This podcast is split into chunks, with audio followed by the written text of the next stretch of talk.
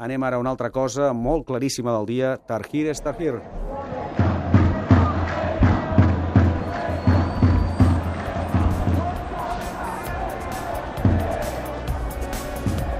Opositors al president d'Egipte, Mohamed Mursi, s'han enfrontat a la policia egípcia al Caire mentre milers de manifestants augmenten la pressió al carrer perquè es revoqui l'acte constitucional que ha blindat els poders del cap de l'Estat.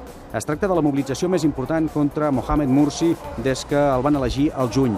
El centre neuràlgic de la protesta torna a ser, no podia ser d'una altra manera, la plaça Cairota del Tarhir.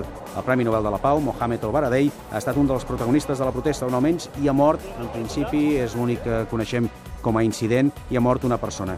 Enviats especials a Tarhir, al Caire, a Egipte. Mariala Gilabert, Jordi Just, bona tarda. Hola, bona tarda.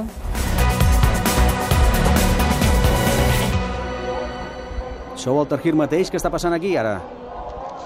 Doncs mira, tenim bones notícies dintre de tot. A banda d'aquesta víctima de la jornada, podem dir que aquí hi ha desenes de milers de persones, s'estan manifestant molt pacíficament, amb un ambient gairebé de festa, estan contents, diuen que això és una festa en defensa de la democràcia, dels seus drets, que no permetran que els hi rebassin.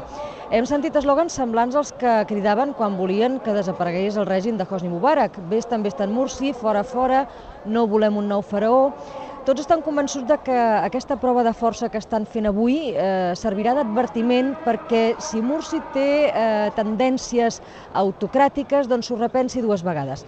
Això sí, tota la gent amb la que hem parlat ens deien que dubten que el president es faci enrere en el decret que va aprovar fa uns dies, que està al darrere de tota aquesta mobilització per augmentar els seus poders.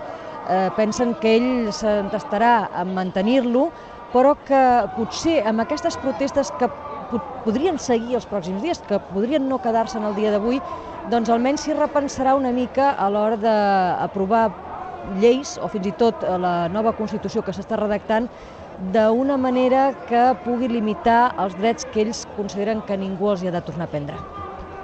Doncs aquesta és l'última hora. El que està passant en aquests moments al Tarhir, allà s'hi mantindran les pròximes hores fins que això decaigui una mica, la Marialba i el Jordi.